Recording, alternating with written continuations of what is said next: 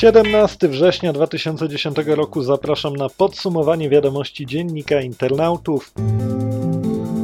Przez 40 dni naboru wniosków na dotacje na e-biznes w ramach działania 8.1 złożono zaledwie 82 wnioski. Nie byłoby w tym nic dziwnego, gdyby nie fakt, że w ostatnim naborze wpłynęło ich ponad 2800 w ciągu zaledwie kilku dni. W tym roku zmieniły się kryteria oceny wniosków. Wprowadzono nie tylko surowsze kryteria merytoryczne, ale także zmodyfikowano proces samego naboru. PARP spodziewa się jednak, że w ostatnich tygodniach naboru, który kończy się 30 września, składanie wniosków znacznie przyspieszyło przyspieszy, a w efekcie liczba tegorocznych aplikacji zbliży się do jesiennej.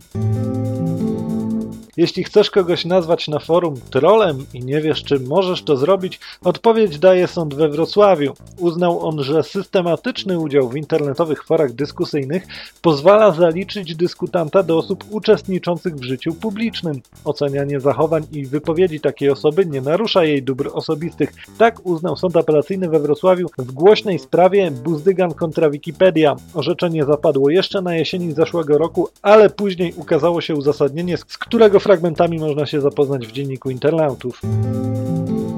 Przedwczoraj Microsoft udostępnił Internet Explorera 9 Beta. Nowa przeglądarka korzysta z akceleracji sprzętowej i nowego silnika JavaScript, co daje dużą szybkość. IE9 ma też nowy interfejs i lepiej wspiera takie standardy jak HTML5, CSS3 i SVG. Stabilność przeglądarki została zwiększona dzięki izolowaniu kart. Microsoft zaprezentował nowość na konferencji w San Francisco i zapowiedział, że nowy Internet Explorer uczyni sieć piękniejszą.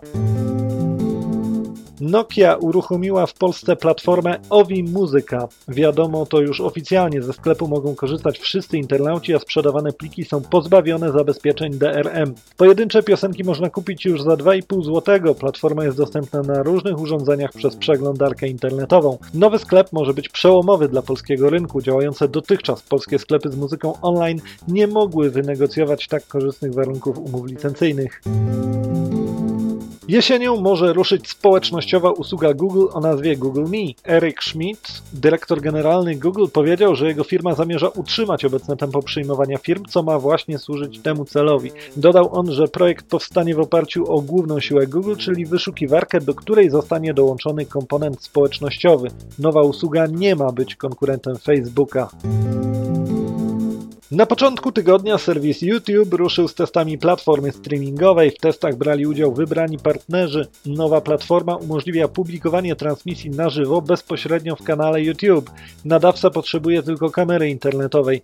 W tej chwili mówi się tylko o transmisjach na żywo, ale analitycy nie mają wątpliwości co do tego, że platforma streamingowa będzie miała większe znaczenie. Może ona stanowić wstęp do udostępniania materiałów telewizyjnych na żywo oraz do wypożyczania hollywoodzkich filmów.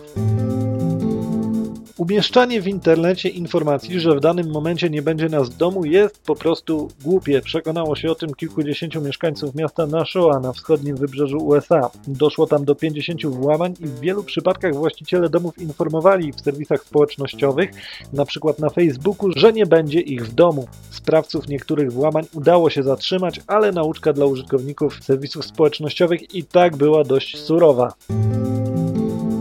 Dokumenty dotyczące wojny w Iraku mogą niebawem trafić do dziennikarzy internautów, oczywiście dzięki stronie Wikileaks. Tak wynika z doniesień Newsweeka. Z Wikileaks współpracuje już organizacja The Bureau of Investigative Journalism, która przekaże materiały wybranym gazetom i telewizjom. Opublikują one swoje materiały na ten temat w tym samym czasie. Teraz widać wyraźnie, że toczące się w Szwecji postępowanie przeciwko założycielowi Wikileaks Julianowi Assange nie ma wpływu na działalność strony Wikileaks wikileaks.org. To wszystko w podcaście, ale warto jeszcze zajrzeć do dziennika internautów choćby po to, aby zobaczyć udane połączenie tabletu i notebooka, które stworzyła firma Dell. Czytaj dziennik internautów www.d24.pl